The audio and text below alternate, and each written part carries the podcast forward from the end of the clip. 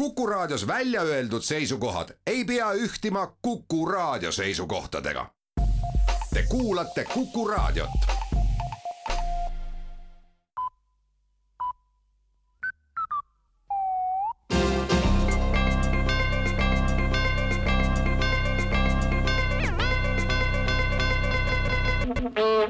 tere kuulajatele, uudistega eetris Rohke Develak valitsuse rohepöördekeskus andis ettevõtetele ja asutustele loa reguleerida tööruumide temperatuuri senisest paindlikumalt. kui suvel oli sageli probleemiks liiga palavad tööruumid, siis nüüd on tööandjatel lubatud vastukaaluks talvel tööruume mitte kütta kui suvel on kontoris, töökojas või laos pluss kolmkümmend viis, siis talvise aja miinus viie kuni kümne kraadine temperatuur tagab aasta lõikes igati meeldiva keskmise. samas ei ole kulunud mitte ühtegi senti raha ega paisatud atmosfääri grammigi CO2. samuti annab tööruumide temperatuuri mittesekkumine inimestele meeldiva vahelduse, sest kogu aeg on, mida oodata. suvel saab oodata talve ja talvel saab oodata suve erakondade rahastamise infokeskus aga annab teada, et valijate, ajakirjanduse ja uurimisorganite sagedastel kartustel, nagu telliks erakondade salajased ja avalikud rahastajad ka kogu poliitika ja otsused, ei ole tõepõhja all raha maksmine ja vastuteenete osutamine ei ole üksteisega kuidagi seotud, märgitakse infokeskuse värskes uurimuses.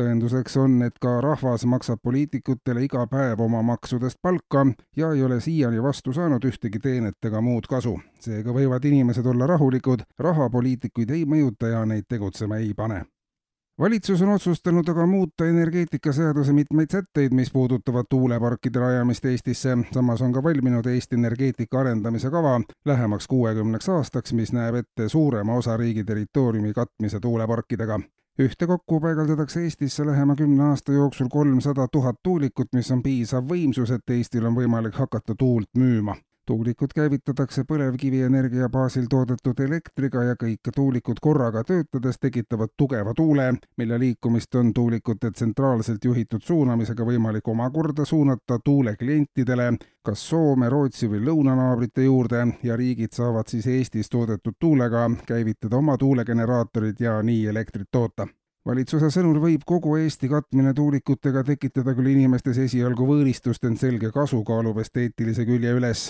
Piisav arv tuulikuid näiteks on ka julgeoleku garant ja võimaldab Eestil ka tulevikus kõikide tuulikute üheaegsel käivitamisel kogu riiki ühest kohast teise liigutada ja vajadusel otsida ohutum paik.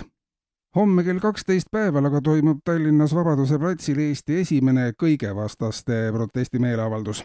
Korraldajate sõnul on moodustatud ka Eesti kõige vastaste liit, et ühendada endas inimesi, kes alati on vastu, kui midagi toimub või ei toimu. seni on tulnud iga kord eraldi välja tulla, et millegi vastu konkreetselt olla ja see on väsitav ja hakkab vastu. on vaja teha erinevaid plakateid, välja mõelda erinevaid hüüdlauseid, kuna meeleavaldajad on eranditult kõige vastu, ka plaanitav meeleavaldus ise käib sinna hulka, siis on sündmus õnnestunud, kui kohal ei ole mitte kedagi, märgib korraldustoimkond ja sellised väljaastumised muutuvad edaspidi igapäevasteks ja toimuvad ööpäevaringselt, lisatakse teates.